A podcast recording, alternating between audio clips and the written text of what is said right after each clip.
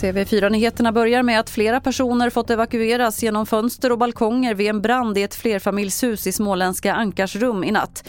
En person ska ha fått föras till sjukhus, oklart med vilka skador. Polisen tror att branden var anlagd och utreder det som grov mordbrand. En femtedel av eleverna på elitskolan Campus Manilla på Djurgården i Stockholm har åkt fast med att fuska. Det här skriver DN idag.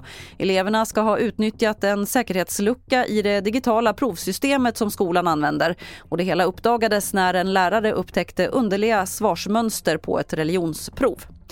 Om det var val idag skulle KD för första gången sedan 2018 hamna under riksdagsspärren. Det visar TV4 Väljaropinion. Dagens TV4 väljaropinion blir ingen munter nyhet för Ebba Busch. KD har tappat var tredje väljare sedan valet i höstas. Även Vänsterpartiet och Sverigedemokraterna backar i sammanvägningen. Gladast kommer Centerpartiets nytillträdde partiledare Muharrem Demirok bli. De har visserligen tappat kraftigt sedan valet men Centerpartiet har nu vänt trenden och ökar för första gången sedan valet.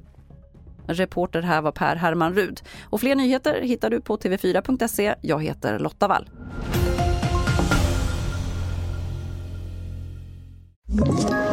Ett poddtips från Podplay. I podden Något Kaiko garanterar östgötarna Brutti och jag, Davva, dig en stor dos skratt.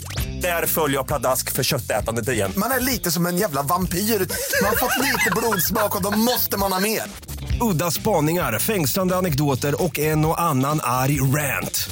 Jag måste ha mitt kaffe på morgonen för annars är jag ingen trevlig människa. Då är du ingen trevlig människa, punkt. Något Kaiko, hör du på Podplay. Därför arkadeinerna.